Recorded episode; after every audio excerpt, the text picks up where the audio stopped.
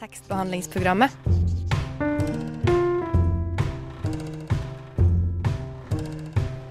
Tekstbehandling på radio.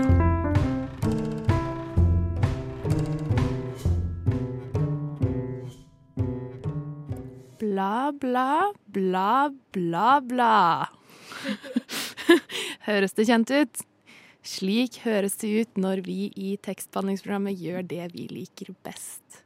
Nemlig lager en salig røre for deg, kjære lytter. Det er det vi skal i dag. Velkommen skal du være. Klokka er litt over ti. Det er onsdag.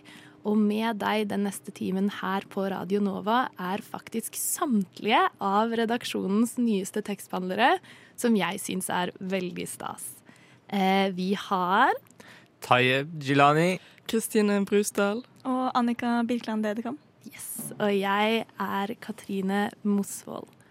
Eh, I dag dere, er det altså duket for eh, atter en redaksjonens røre. Og for deg som ikke umiddelbart henger med på hva det innebærer, vil jeg la Kristine gi deg en kjapp introduksjon. Ja, altså røre det er jo at eh, vi snakker om eh, litt av hvert som vi går og tenker på, som handler om litteratur eller tekst eller eh, hva enn. Så det er en litt sånn, ja, som du sa er fint, en salig blanding av ymse litteraturtema. Yes. Eh, så i dag skal vi diskutere, anbefale og forhåpentligvis le.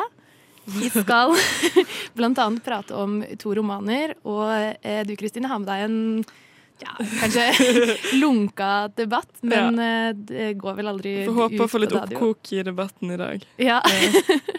Hvordan eh, har dere det i dag? Bra. OK.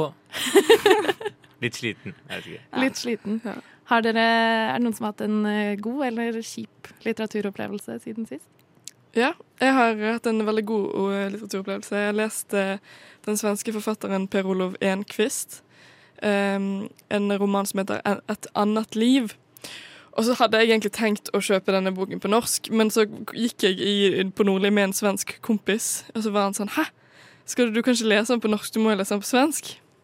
Tenkte jeg, ja vel. Så nå leser jeg på svensk, og det går overraskende bra. Altså, jeg sleit litt i begynnelsen med å finne sånn eh, en tone. Du Dere vet den indre tonen man har når man leser? Mm. At det var litt sånn der eh, altså Man måtte liksom komme litt inn i det der. Men nå syns jeg det flyter fint. Hva, hva tenker dere? Bør man lese skandinaviske bøker på originalspråket? Ja, jeg vet ikke. Hvis det er Ibsen, så kan du lese den på gammeldansk, liksom. Men, eh, men eh, det er så likt, liksom. Så får får man så mye ut av det. Ja. Jeg syns jo personlig at man burde lese en bok på originalspråket hvis man kan. Ja. Fordi det er veldig mye som du mister i oversettelsen, selv om det kanskje bare er fra svensk. da. Så vil du jo kanskje miste en del ting, tenker jeg da. Jeg er enig i det. Og man lærer jo litt òg av å på en måte Kan være fint å liksom utfordre seg litt på å lese noe. Men hva om du på en måte bruker all energien på å for- på en forstå språket, og så mister liksom handlingen, eller mister du masse poeng, og Ja. at, ja, du mister litt, da. Jeg vet ikke. Jeg liker litt det, at man mister en del. Det liksom bidrar til tomrommet i teksten. At Mm. jeg bare Jeg skjønner ikke helt hva den setningen betyr, men Mm. Det sånn- svensk og dansk er jo én ting, men når man går på sånn faktiske fremmedspråk Ja. Eller sånn, ja. Da, da blir jeg sånn «Å, Jeg skjønner ingenting av det som står her, men jeg skjønner disse tre ordene, og det blir jo en tekst i seg selv. Selv om det ikke er den ordentlige Eller ja. Eh, altså får man ofte sånn Når man leser et ord i kontekst, så, blir det, så får man ofte sånn bedre forståelse for sånn Å ja, Ja, det er Det er bra språklæring. Jeg tenker Alle tekster man leser, også på et språk man kjenner godt, leser man jo fortsatt Det er sin egen lesning man sitter igjen med. Mm. Så om det også er en tekst med bare fremmedord, så sitter man jo fortsatt igjen med sin egen lesning og får Ja. ut av det. Jeg vet ikke. Ja, jeg, jeg kan sammenligne det med når man ser på en film, og så mister man eh, noe, en bit eller en dialog. Og vanligvis så pleide jeg å eh, spole tilbake, men nå bare aksepterer jeg det og bare fyller inn eller hva jeg tror skal være der. For da må, det, blir det mitt eget, på en måte. Litt på samme måte. Ja. Jeg har det ikke sånn med film. Kanskje jeg skal prøve. Ja. Jeg tror det er viktig å liksom ikke være redd At man kan bli litt redd for å være dum. Og, eller være redd for å ikke forstå, og at det er helt greit. Det, man, man, det er ikke alt man får med seg, og det, det går fint. Man kan ha en god opplevelse for det om. Ja. Eller skal man lese det en gang til? Det Ja. Det er sant. Noen andre som har en uh, opplevelse de vil trekke fram? Ja. Jeg har en bok som jeg begynte på i går, som jeg syns er helt fantastisk. Uh, som er en, en bok som heter eh, 'Cursed Bunny' av en sørkoreansk eh, forfatter. Som faktisk vant uh, en, den International Booker Prize i 2022. Ja, det er i år. Kult. Um, og den er veldig veldig kul. Den er litt sånn creepy. Handler om uh, egentlig kvinner i samfunnet. Creepy, ja. Ja. ja, men den, altså, den liksom portretterer eh, liksom vanskelige sider da, med å være kvinne i samfunnet. På en litt sånn ekkel eh, måte. Ja. Veldig, veldig bra. I Korea, eller? Ja, jeg tror det er jo mest fra Korea, men du kan jo bruke det generelt også, tenker jeg. Så jeg har ikke kommet så langt, da, men eh, Spennende. spennende. Nei, jeg har, jeg har et mål om å lese mer eh, både bøker av kvinner og om kvinner, fordi jeg innså Jeg tror det var du eh, Ja. eh, s- um, som, alle, som påpekte da hvor, hvor lite hvor, eh, hvor, hvor få kvinnelige forfattere har i mitt repertoar. Og det er litt ubevisst, men folk burde tenke litt om da, eh, hvem de leser egentlig. Eh, fordi tydeligvis så leser kvinner både menn og kvinner, av bøker av menn og kvinner, og så menn leser bare av menn. Ja, det er en undersøkelse The Guardian som viste at um, menn Altså kvinner blir lest av 80% kvinner og 20% menn, og menn blir lest av 50 kvinner og 50% menn. Uh, Det er noe å tenke på. tips til deg, eh, da, Tayeb. Så hva het den boka? den het uh, Cursed Bunny. Yeah. Ja, av, Vi- eh, ja, ja. sorry. av Bora Chung heter hun. Kult. Vi har en del eh, vi skal gjennom i dag, så vi kuer eh, oss videre. Og etter denne låta du får høre nå, så er det Tayeb som har ordet. Tripp, trapp, tripp, trapp. Hvem er det som tramper på min bru? Det er bare tekstbehandlingsprogrammet. Bla, bla, bla, bla. Velkommen tilbake til tekstbehandlingsprogrammet. Jeg er Tayeb og har fått ledertrøya og skal starte ballet med eh, liten quiz for å teste fotballkunnskapene til eh, tekstbehandlerne for boka jeg skal snakke om. Oi. Den starter nemlig med en viktig fotballkamp. Så eh, dere i studio og dere der hjemme, nå skal jeg ramse opp eh, noen spillere, så skal de gjette hvilket fotballag jeg snakker om. Eh, laget har en keeper fra Serbia, midtstoppere fra Montenegro, Romania, Makedonia. På midtbane finner vi også en fra Montenegro, en bosnier, en serber og en 50-50 serber og kroat. Eh, på topp har vi en, en fra Makedonia og en fra Serbia, og treneren er selvfølgelig fra Bosnia-Hercegovina. Hvilket lag er dette? Er det Brann? Nesten. Eh, Personlig må jeg si at jeg bare kjenner til sånn to eh, i hvert fall internasjonale fotballag. Oh, ja. Eh, og det er Manchester United eller Liverpool. Så spørsmålet er er det en av de. Vet du hva? Vet du hva? Dere var ganske nærme, fordi dere var inne på fargen rød. Fordi laget jeg skal snakke om, er, snakker om, er selvfølgelig Røde Stjerne Beograd. Så klart. ja, ja. Som alle, alle kjenner til.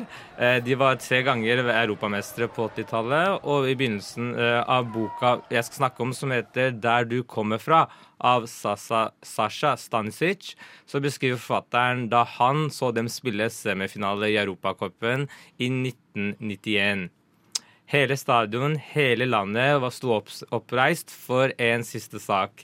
Dette lappeteppet av etnisiteter, kulturer, språk og religioner gikk videre og hentet hjem sin siste trofé. Før nøyaktig to måneder senere brøt de første krigshandlingene ut, eh, som vi i dag kjenner til som Jugoslavia-krigene.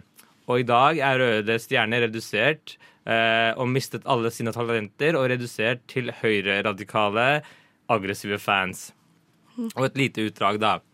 Og på dette Balkan mennesket kryss, eh, krysset mellom Orienten og Oksiden. Her hvor alle har, blitt, alle har valset ned på et eller annet tidspunkt. Alle her har breiet seg, blitt beseiret eller trukket seg tilbake. Alle etterlo- etterlot seg noe. Roma, Venezia, de osmanske hærene, Østerrike, Ungarn og alle slaverne. Jødene kom fra Iberiske halvøya og ble værende. Roma-enklavene eksisterer i samtlige rom. Tyskerne sov i sengene til forfedrene mine. Alle var her. Der hvor du stemte i den samme sangen eh, i andre tonearter, alt ettersom. Her hvor du drikker tyrkisk kaffe uten videre, benytter deg av tyske eller arabiske låneord, danner deg urslaviske hviler i skogene, og de samme bedritne kroatsene eller serbiske slagerne på bryllup. Jublet ikke vi sammen når Røde Stjerne skåret mål? Åpenbart ikke. Sånn starter boka. Hva synes dere? Da handler det liksom om eh, at man var sammen om fotballen, og så den splittelsen som kommer etterpå. Eller hva handler det egentlig? boken? Ja, det handler om mye forskjellig, men det er delvis det du sier, da. Um, um, uh, for jeg skulle egentlig anbefale denne boka her til en venn, og uh, og så begynte jeg å lure på, for jo mer jeg leste i den, så, vurder, så tenkte jeg, ble jeg mer forvirra, fordi den handler på en måte om alt. Hele livet, alle glemsene, alle følelsene man har gjennom livet. Og der òg, da, blant annet på en måte eh, det hva skal jeg si, særegne fenomenet å på en måte bli født i et land som på en måte opphører å eksistere. Og behovet for å da flytte til et annet land i oppveksten, Tyskland da, i dette tilfellet, og vokse opp der da, eh, med alle utfordringer man har som migrant da, eh, på tidlig 90-tallet da, eh, og 20-tallet. Eh, så ja, hva tenker dere om den tematikken der? Veldig interessant. Veldig stort eh, tema å ta for seg, egentlig. Um, ja. Ja, det er det jeg syns er litt sånn fascinerende, fordi den boka her eh, holder et sånn sykt stort spenn mellom fortid og fremtid og samtid, da. Eh, på en utrolig fin og subtil måte, for den snakker om Jugoslavia eh, i hans egen barndom. Men han går også helt tilbake til eh, besteforeldrene, forfedrenes opphav på en måte i de små bygdene rundt omkring i Bosnia og sånt. Eh, og snakker om eh, når tyskerne okkuperte jo, eh, på en måte den delen av verden under annen verdenskrig. Og så trekker den helt fram på en måte i dag da, og snakker om nynazister som marsjerer i Tyskland i hans egen samtid.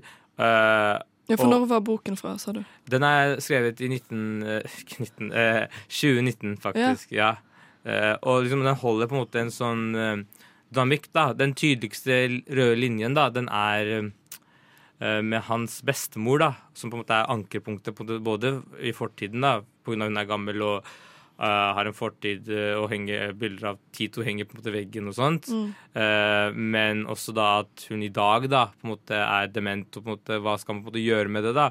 Men han på en måte, uh, på en måte det han ikke forstår, det er på en måte hvorfor på en måte, nasjonens på en måte, Fordi Jugoslavia på en måte var et lappeteppe for han, eh, med muslimer, eh, eh, katolik, katolikker og ortodokse og jøder også.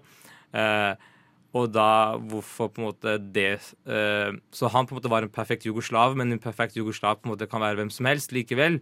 Men nå er han på en måte redusert da, som flyktning og udugeliggjort. Eh, og det også kommer tydelig fram da, hva det innebærer da, å vokse opp som barn. Men også snakker han så mye om foreldrene sine, hvordan de da, som var professorer i Jugoslavia til Jugoslavia, blir på en måte, må ta enhver jobb for å på en måte brødfø seg. Også besteforeldrene, da, som på en måte folk dø da, i samme land som de på en måte har oppvokst, litt gamle i, da, egentlig. Mm. Er det en slags uh, slektsberetning? Ja, det vil jeg si. Uh, på en måte, jeg synes den tittelen, da, der du kommer fra, er en litt dårlig tittel, for det på en måte avslører på en måte alt. Uh, og litt sånn sliten, uh, sliten tittel, egentlig. Så den er kanskje det jeg er mest uh, Hva skulle den alternative tittelen vært? Jeg vet ikke. Røde Stjerne Beograd. Men, men er fotball også et gjennomgående tema? Litt, ikke så mye. Ehm, så den starter på en måte, som jeg sa, det handler om bestemoren og hans liksom, turer hjem, og så oppvoksten, hvordan på en måte bestemor var. Men det handler utrolig mye, og det på en måte la jeg merke til nå når jeg skulle liksom um, uh, bla gjennom bøkene, sidene, da, om hans erfaringer som flyktning, sånn som i skoleklasser, da, hvor han ble jo tydeligvis veldig flink i tysk, og uh, kan skrive bøker som vinner, høster store priser. Men han gikk jo i klasse med folk som på en måte var helt stille og var tydeligvis opplagte, traumati traumatiserte barn. Ja. Eh, eh, og det er helt sjukt da, at dette eksisterer på en måte i dag òg, hvor sikkert flyktninger fra Ukraina, men også fra Afghanistan og Syria eh, opplever da å bare bli revet vekk og sitte i en klasse og lære seg et nytt språk plutselig. Ja, for Tenker Eh. du at det er mye med denne boken som òg har betydning sånn i dag, med tanke på situasjonen i Ukraina? Ja, absolutt. Og, Alt. Ja, absolutt. Også liksom Også for foreldre, da. Hans mor da var eh, professor i marxisme, og han skriver i boka at hun var eh, ekspert i utbytting, og nå blir hun utbytta selv. Eh, som eh, vaskehjelp da, i en eller annen leilighet i Tyskland, liksom. Men også kommer det også sånne veldig fine mm, passasjer også, eh, som jeg skal kanskje trekke fram eh, før vi runder av samtalen. Vil du anbefale boka? Før du runder av samtalen? uh, absolutt. Uh, det er en av uh, Det er en fi, veldig fin leseopplevelse. Um, nå tror jeg faktisk ikke jeg finner siden. Skal vi se Får du lyst til å lese den, Annika? Um, eh, altså, jeg er jo ikke så Altså, ja og nei. jeg syns jo det høres Det er veldig interessant tematikk. Men jeg er jo ikke så veldig interessert i sånn fotball og sånn. Eh, så fotballdelen for meg er ikke sånn eh, Det er ikke sånn som jeg tenner sånn veldig på. Men, eh, men, men alt det med å, det å være flyktning og, og hvordan, hvordan man håndterer det da, ved å opp, vokse opp med det, det er jo et viktig tema. Og ja, så sånn sett, ja. Da må jeg beklage, det handler ikke så mye om fotball. Okay. så jeg, vil- jeg vil ikke skremme bort folk. Men det, jeg syns det er en fin sånn ting da, at alle på en måte sto i tribunene sammen da, og heide på samme fotballag. Det er et fint bilde på ja, At det gikk an å være en kroat og en makedonier kunne spille på samme fotballag. Bare Ja. to, minutter, to måneder før de begynte å skyte på hverandre, da. Eh, men ja, eh, så der han er fra, da, der han kommer fra, Sasa Stanisic, der har de jo masse apostrofer og masse kruseduller og sånt på uh, navnene sine. Og jeg syns det er en veldig fin passasje. Både litt sånn trist, men også veldig fin, som han, har, som han skriver. da, Og den, eh, den går som følger. Vi har haker på navnet. En som en gang, en som en gang var glad i meg, kalte hakene eh, mine for pynt. I Tyskland opplevde, jeg dem snarere for hindringer. De gjorde byråkrater og utleiere skeptiske. Over grensen varte passkontrollen lengre enn for Petra foran meg og Ingo bak meg. Lytter til Radio Nova. Tekstbehandlingsprogrammet. Tekstbehandling på radio. Ja, det er en eh, kald novembermorgen. Eh, jeg sitter her på Majorstuen. Jeg heter Kristine Brusdal, og med meg så har jeg Taye Bilani, Annika Birkeland Dedekam og Katrine Mosvold, som også styrer teknikk på denne sendingen. Og Per Marius Weidner Olsen han sitter ikke her i studio, men eh, han er blitt kanskje et av de mest kontroversielle navnene i Litteratur-Norge. Eh, ganske knapp tid etter han debuterte. Han debuterte for to år siden med en eh, roman som heter 'Jeg hadde en oppvekst nesten som min egen'. Eh, og den fikk veldig god kritikk. Og den ble også eh, nominert til eh, Brageprisen. Men kort tid etter den kom ut, så kom det da frem at eh, Jeg kan faktisk si at grunnen til at denne Altså noe av det denne romanen ble rost for, da, var at for denne romanen er en såkalt erindringsroman, som handler om en voksen mann som ser tilbake på sin oppvekst i Bærum, eh, som annet innebærer at eh, det er noe overgrep her. Og så fikk den mye ros fordi det var en nyansert eh, fremstilling av det å være et offer for overgrep, i og med at offeret på en måte også følte på skam og kanskje litt skyld. Um, men så kom det frem etter utgivelsen da, at eh, Per Marius selv han har vært eh, dømt for overgrep eh, 15 år tidligere enn denne boken. Så kort tid etter den kom ut, så trakk Oktober Forlag, som var forlaget, eh, romanen. Eh, og Per Marius Weiner Olsen ga selv ut denne boken med et forlag som han kalte November. Et litt sånn eh, stikk til oktober, kanskje. Eh, men nå er i alle fall eh, Per Marius Verden Olsen aktuell igjen med en ny bok. Den heter Ny mann og handler om eh, eh, en, en mann som soner en kort eh, dom i fengsel. Hva han er dømt for, det er ikke nevnt i romanen. Men denne debatten har altså, selv om den har vært lunken og kanskje er litt utdatert, så har den kommet litt sånn opp på nytt igjen. Og jeg syns det er en jeg vet ikke, det er, en, det er en vanskelig debatt, fordi alle parter har på en måte litt rett, på et vis. Eh, men jeg tenkte at jeg ville ta det med i tekstbehandlingsprogrammet. Da høre litt sånn med dere hva dere syns. Eh, ja, for eksempel eh, så burde forfatteren ha Fordi at grunnen til at Oktober trakk boken, var fordi han ikke hadde opplyst om denne dommen, da. Som de mente var et stort eh, tillitsbrudd.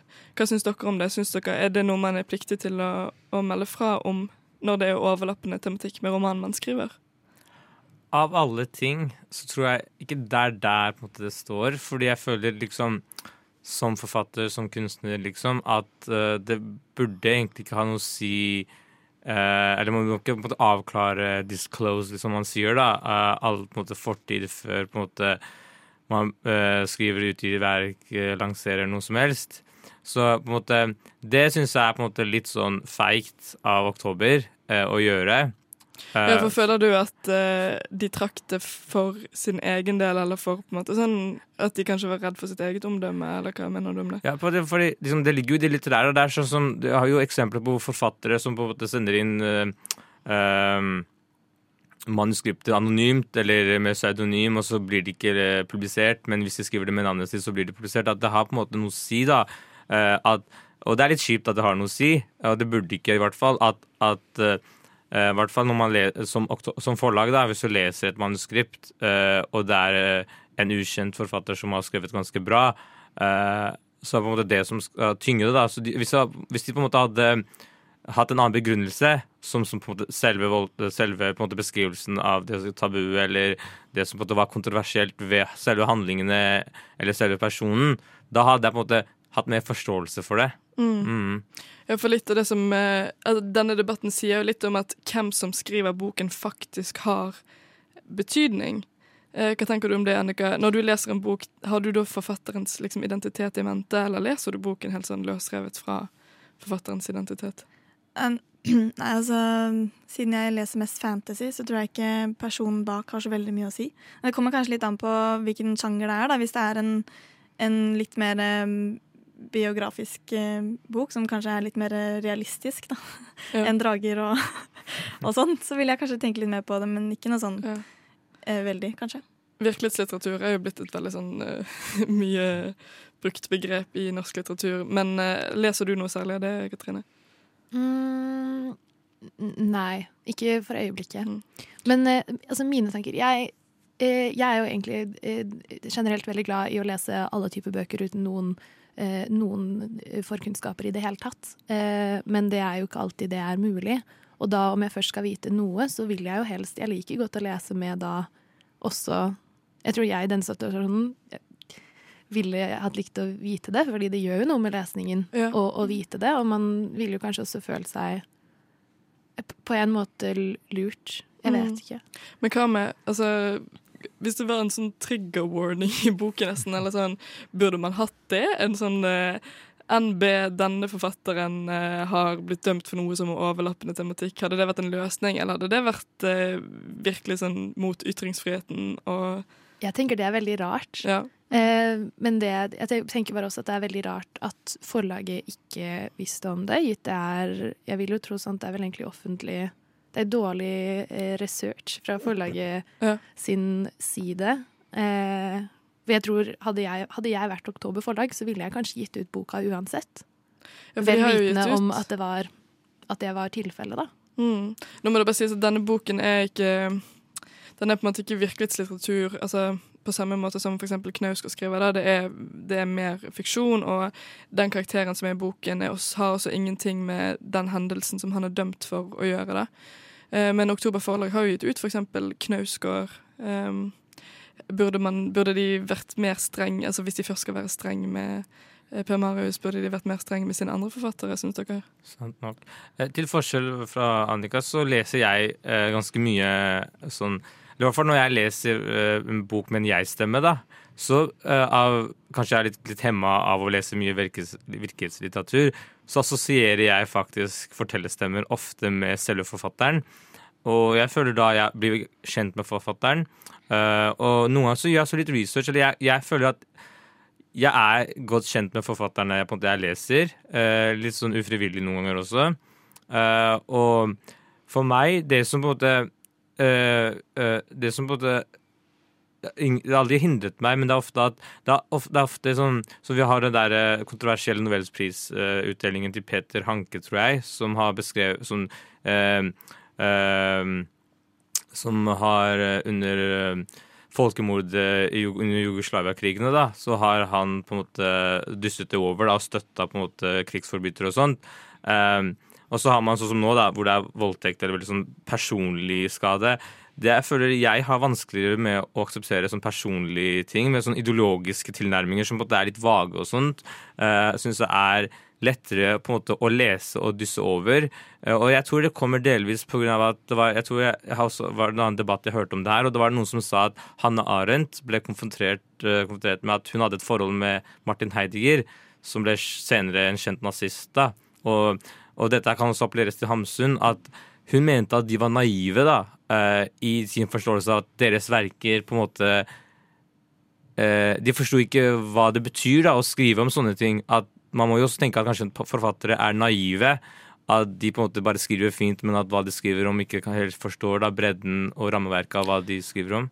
Ja, for tror dere eh, Er det liksom kalkulert av Per Marius Vedne Olsen at han har tatt sjansen på å ikke nevne dette, eller tror dere bare han er rett og slett litt sånn blind for sin egen Jeg, fortid? jeg tenker, eh, om jeg kan ha en tenke, for jeg fant en uh, artikkel, eller det er vel en uh, ja, noe som ble skrevet i Morgenbladet av noen som kjente en som eh, Per Marius hadde kom i fengsel for, på en måte, å, ha, å ha kjent. Og om det blir riktig måte å formulere seg på. Ikke helt, men jeg vet ikke. men da, han der siterer i hvert fall at han selv sa til Aftenposten at det er ekstremt viktig eh, Per Marius altså, det er ekstremt viktig at den som utsettes for noe, får herredømme over selvopplevelsen. Det ligger ingen frigjøring i å bli definert som offer. Frigjøringen ligger i selv å bestemme. Ja. Og det eh, er nok tenkt i mange kontekster, men kan man også si, tenke at han tenkte sånn i denne konteksten, som du sa? At han selv bestemmer at Ja, At han selv herrer herre over sin egen historie, tenker du? mm. Ja. Det er om han har lyst til å opplyse eller ikke. Ja. det er mange, mange perspektiver på dette. Det er vanskelig å komme til en, en konklusjon, men eh, en interessant litteraturdebatt iallfall. Siri, Jeg er din ja. assistent. hører du på tekstbehandlingsprogrammet? Selvsagt. Gjør som Siri. Hør på tekstbehandlingsprogrammet.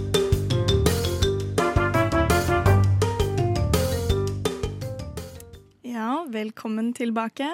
Eh, Med meg i studio er det fortsatt eh, Katrine, Tayeb, eh, Kristine og meg, Annika. Hei! Um, jeg har litt lyst til å snakke om en bok som jeg leste i sommer, som het, heter 'Girl Serpent Thorn' av en forfatter som heter Melissa Bashar Dost. Jeg klarer dessverre ikke å si det ordentlig. um, og det er en, en litt eh, moderne eh, eventyrfortelling om um, um, Som trekker litt på persisk uh, mytologi og, og kultur og religion. Som handler om, om en prinsesse som har giftig hud. Så hvis du tar på henne, så dør du. Em, så handler det da om, om det klassiske eventyrtropen om kampen mot det, onde og eh, reisen eh, hennes på vei til å, å overvinne det, da. Eh, både hos seg selv og hos andre. Og så tenkte jeg litt sånn på Altså, fordi det er jo en, en type moderne framstilling av eventyret. Jeg kan jo si litt, en liten spoiler til dere som lytter, så hvis dere ikke vil vite litt eh, om hvordan det ender, så eh, er det kanskje lurt å ikke høre nå. eh, fordi i slutten av boken så finner hun ut at hun er eh, eh, lesbisk, eller i hvert fall bifil. Eh, gjennom historien så blir hun på en måte forelsket litt i han som er slem.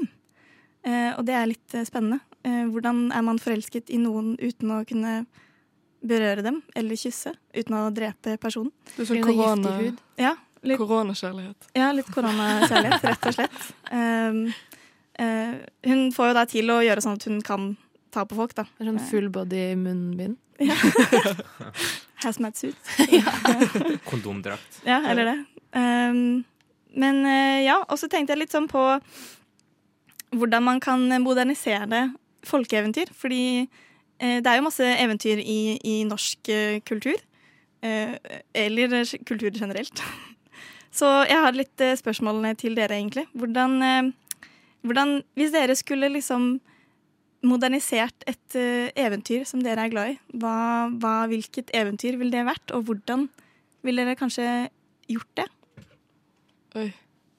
Det er, stor, det er et stort spørsmål. Eh, og det, det kommer litt an på hvilken på en måte, hvilken moral man vil på en måte etablere, der, eller hvilken historie. på en måte, For de ofte bærer jo på sånne på en måte, grunnleggende ideer om uh, samfunn, da. Uh, sånne myter og sånt. Mm. Jeg vet ikke, Kristine, kommer du på noe i farta? Um, det så som Katrine hadde noe. Ja, jeg tror ikke jeg ville tatt det så seriøst hvis jeg skulle ah, ja. fornytt Eller hvis jeg faktisk skulle gjort det, kanskje. Men sånn mitt umiddelbare svar nå Det første eventyret jeg tenker på, jeg vet ikke om det er norsk, men det er det med hun Jeg tror det er samme eventyr, men det kan også hende jeg blander to. Hun som spinner og spinner og spinner. Ja. Eh, men det er også med syv svaner. Ja. Med syv svaneprinser, og de er brødre, eller noe sånt. Oi. Jeg vet ikke om det er samme eventyr, men eh, jeg syns det er veldig vakkert. Og det, det, hvis jeg skulle måttet gjøre det akkurat nå, så er det det jeg hadde sett på og satt i gang med. Og så ville kanskje moralen, eller hvordan det hadde vært aktuelt og viktig i dag, kommet senere. Ja. Tenker jeg, da. Jeg er enig med det. Jeg føler det liksom er, for jeg tenkte sånn umiddelbart på den eh, hvite bjørnkong uh, Valemo. Det er det han heter, sant? Ja. Ja. Og det, altså det er lenge siden jeg på en måte har lest det, så jeg husker egentlig ikke helt sånn hva som skjer, men jeg bare husker det som en veldig sånn vakker opplevelse. At det var noe sånn veldig vakkert og sårt til det. Så liksom det Prøve å sånn- gjenskape det, liksom. Ja, heller det enn på en måte å tenkes veldig mye på at det skal bli satt inn i en moderne sammenheng, eh, kanskje. Mm. Ja, spennende. Jeg tenker, Hvis jeg skal si en ting selv, da. Jeg har tenkt litt på det, for jeg har jo prøvd å planlegge det her litt. um, men, men jeg tror at jeg kanskje bare hadde snakket om eh, pannekaken, jeg. Og liksom gjort den eh, litt eh, moderne. For det, det kan være litt eh, Jeg tenker at du kan trekke inn både humoristiske ting ved at du ser for deg liksom pannekaka rulle nedover Karl Johan. Hæ? Ja, det er jo gøy. Ja, ikke sant? Eh, men så kan du også trekke inn litt sånn psykologiske ting. Sånn, hvem er det faktisk som hadde sett denne pannekaken og tenkt at oi, det er et pannekake med ansikt som snakker og vil ha ting. Ville det vært en pannekake i det moderne eventyret? Ja, det er spennende. Hadde det vært en panne. Stekepanne. Ja. Jeg vet ikke. Da ta en grillpølse fra Narvesen. En donut. Ja. døgn- ja, En sånn eh, Hva heter det? My ugly baby. Ja. Ja. Noe sånn Så- Men jeg kommer på et eventyr øh, Jeg vet ikke om dere så på de eventyrene. Det er litt sånn animerte Jeg tror det er H.C. Andersen rundt juletider. Og så var det om et tre som øh, vokste opp som var bitte lite, og så ble, ble han stor, og så ble han hugget ned, og så ble det juletre, og så ble han gammel, og så ble han til skyer og et annet, noe, noe crap etterpå. Jeg hadde det en sånn julebok. Det var favoritt. Det var, Ja, en sånn utrolig vakker bok med det, som var sånn, de fantastiske tegningene. Jeg hadde glemt eventyret. Nå det sånn. Ja, den er jo sykt fin, fordi den handler liksom om liksom at hver er Man kan snakke om stadier i livet, eller, eller at man på en måte Man alltid tror på at man er på topp, da. At han trodde jo han var kulest når han var bitte litt uh, eh, knott i Baby tree. skogen. Ja, baby tree. Og så, og så var han på toppen av var juletre, men så ble han jo stua oppe i Christmas tree, og så var det oppe i loftet. Og så cellar tree. Love tree. Love tree. Nei, jeg orker ikke. Men uh, også uh, Trash Tree. Um, men at liksom det er en sånn viss sånn fortelling, da, om, um, om at tider på en måte Hva skal jeg si Sesongen endrer seg, og at man vokser opp, og så Skal komme tider, skal den rulle. Ja, ja jeg orka ikke. Eh, Julestemning. Er litt tidlig. Nei, aldri. Uh, men jo, sånn, sånn jeg, jeg syns den er kul, da. Men jeg vet Ja, ikke hva er hva moderne er det mobiltelefon? Da kanskje at man starter, starter med i en mine Nokia. i Nokia. Nei, man må starte ved naturressursene, liksom. En, Ja. En gruve i Kongo, liksom, hvor du utvinner kobber, og så blir det til mobil, og så, Ja. og så blir den brukt. Det tar jo litt vekk veldig... av magien med det der fine Ja. og skogen og, og det der varme hjemmet som man kommer inn til, og barn, og så skal du ende med et hviltelefon. Det dreper litt av Men, men eh, tenk på hvor mye gøy mobiltelefonen din er med på. Den er med på bursdagene dine, den er med på festene. Du tar video, du tar en, eh, Jo, Kanskje du har noen nudes på den, ikke sant? Og så, og, så mist, og, så, og så går den videre, og så blir den brukt Kanskje selv brukt til noen i, et- i Øst-Europa, og, så- og så blir den kasta. Og så Kanskje blir det gjenvunnet. er en sånn trist mobil på slutten som ligger i en sånn uh, gjenvinningsdunk. Ja. Jeg syns det, dette er noe som burde skrives eh, av deg, Taub, eller en av deg som eh, lytter på, hvis du får lyst. Jeg lurer på litt, Annika. Jeg har bare litt lyst til å gå tilbake til boka du nevnte, Ja. 'Girl Serpent Thorn'. Mhm. Fordi eh, du sa at den eh, trekker på persisk mytologi og religion, så det er jo ikke eh, et eventyr vi, vi kjenner, eller en fortelling vi kjenner. Men kan du se for deg at dette er noe f.eks. Disney kunne laget en film av? Sånn, kan det være en sånn type eventyr? Eh, Hadde gjort seg som en Disney-prinsessefilm? Ja, ja og nei. Jeg føler Disney-prinsesser er jo veldig sånn prinsen kommer og redder deg-type greie. Det er jo ikke det denne boken er, egentlig. Det er hun klarer å redde seg selv og, og samfunnet. Så sånn sett ikke, men også ja. For du har jo, du har jo Moderne også Disney? Ja, ikke sant? Moderne Disney. Eh, eh, ja. Det hadde vært kult. Jeg hadde sett den, tror jeg. Kanskje det er det som er moderniseringen, å rokke litt i disse kjønnsrollene. Ja, kanskje det. Ja. Men uh, veldig Det er jo veldig spennende tema, det her. Uh, jeg tenker eventyr kan vi snakke videre om en annen gang. Takk for denne samtalen. Takk for meg. Anbefaler du boka? Absolutt. absolutt. Jeg syns alle skal lese den. Det er veldig gøy. Hallo, mitt navn er Knut Nærum, og du hører på tekstbehandlingsprogrammet. Jeg går i hvert fall ut fra at du gjør det.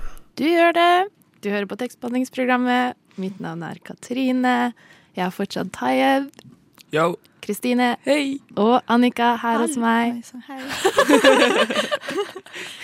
og, vi, og vi rører i dag. Vi prater om masse forskjellige ting, og nå er det min tur til å prate om det jeg vil prate om. Og eh, jeg vil eh, først og fremst nytte min tildelte tid her i dag til å gi deg et lite tips, eh, du som hører på.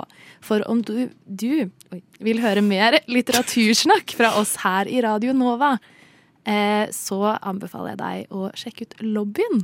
Det er ikke oss, tekstbehandlingsprogrammet, men det er eh, kanalens podkast for skeive folk av skeive folk.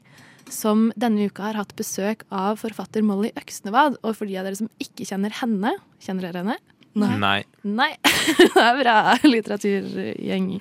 Eh, så har hun blant annet skrevet boka 'Feminin gange', eh, som har en kjønnsskeiv hovedkarakter.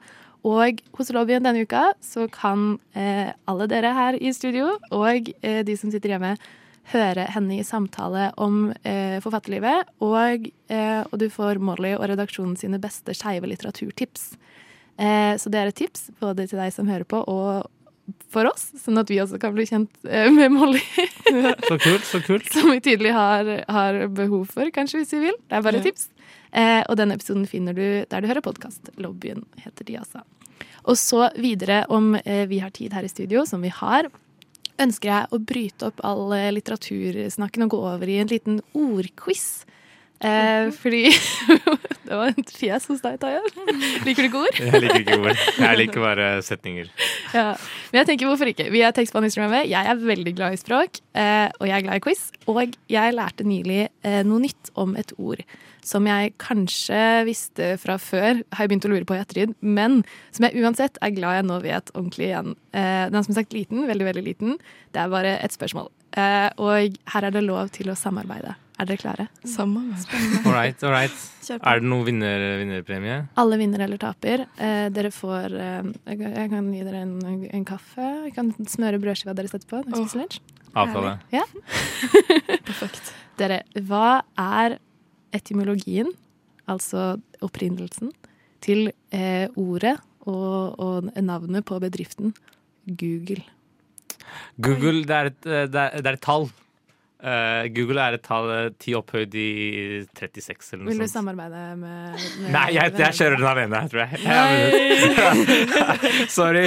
Jeg, er, jeg vet ikke. Skal, vinner jeg nå? Takk. Nei, er det riktig? Jeg, OK, jeg må roe meg ned, tror jeg. Det er helt riktig. Visste dere det? Ti opphøyde til seks? Nei. Det visste jeg ikke. Men Det hva er det med det tallet? Det Hva er er det med ti ti opphøyd i 36? eh, go Google. Det skrives ikke Google, det skrives Google. Ja. Det er et tall. Og det er ti opphøyd i 100. Altså én med 100 nuller bak. Eh, og eh, tallet, eller ordet, jeg vet ikke, det, det grenser jo liksom i For er det egentlig et ordentlig tall, på en måte? Eh, det ble funnet opp i 1938, altså lenge før Google, av en ni år gammel gutt. Og en ni år gammel gutt? Ja, Men han var nevøen til en matematiker. Eh, Ja, så det var vel Ja, ja. egentlig matematikeren, men det var denne ni år gamle gutten. Hva som- gjorde du når du var ni år Ja, gammel? Liksom? jeg. Fant opp Google. Eh, men Google kom, eh, som vi vet, da, i 1998. Men jeg synes det, var, det er så kult, for det forklarer på en måte Vet dere, sånn I bunnen av Google søkemotoren så er det sånn o, o, o, o, o, o, Ja, ja, ja. o, o, o. Det forklarer det.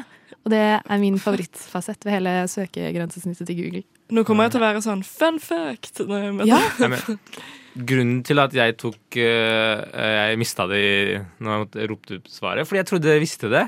Jeg trodde det her var Ja, allmennkunnskap. men det er nettopp det. Nå har jeg testa dere. Og eh, for deg som lytter til, hvis du ikke visste det, nå vet du det. Radio Nova er best. Alle andre er tapere. Radio Nova. Mm. Fuck yeah, bro! Jeg hører på tekstbehandlingsprogrammet. Radio Nova. Yeah! Eh, det var det vi hadde for i dag fra oss i tekstbehandlingsprogrammet. Det har vært en røre, eller hva, dere? Det har vært en røre. Kos meg. Ja, god blanding. Har landet etter å ha vunnet quizen. Ja. Ja, nå må du passe deg for å ikke bli for kjapp. Eh, hva har vi vært eh, innom i dag? Vil dere oppsummere litt? Hva har dere fått ut av dagen? Så jeg har eh, anbefalt boka 'Der du kommer fra' av en eh, bosnisk flykt, skrevet av en bosnisk flyktning på tysk, eh, av Sasa Stanisic. Om du er interessert i fotball, sosialisme og eh, hva det betyr å tilhøre, les den. Ja, og så har vi Jeg har prøvd å koke, få litt oppkok i debatten om eh, Per Marius Weidner Olsen. Vi har snakket litt om mann Ja, om det. Ja. Vi har snakket litt om boka 'Girl Serpent Thorn' og, og eh, eventyr, egentlig. Ja. Og Katrine har et quiz. Ja. Men det vet dere jo hvis dere har hørt på. Vi har i hvert fall hatt det veldig hyggelig. Neste uke høres vi igjen til samme tid. Da kommer romandebutant og performancekunstner Louise Jacobs på besøk til oss. Kristine er der, Annika er der, jeg er der, eh, Katrine. Og eh, vi skal prate om kunst i tekst, tekst i kunst, og eh, om Louise sin nye bok, så klart. Det gleder vi oss til. Veldig. Hvor kan man ellers høre oss igjen, Taib? Man kan høre oss på, eh, Hvis du hører oss live, så er det klokka ti onsdager på radionova.no. Eller podkast der du finner podkast. Og på DAB, da. Og på DAB. Ja. Jeg hører på DAB. Mm. Du finner oss også på Instagram. Tekstbehandlingsprogrammet. Yeah. Heng med på det som skjer. Hei da! Ja, ja, i studio var. Unnskyld, Kristine Brustad, Annika Birkeland Dennekav, eh, og jeg heter Katrine Mosvold.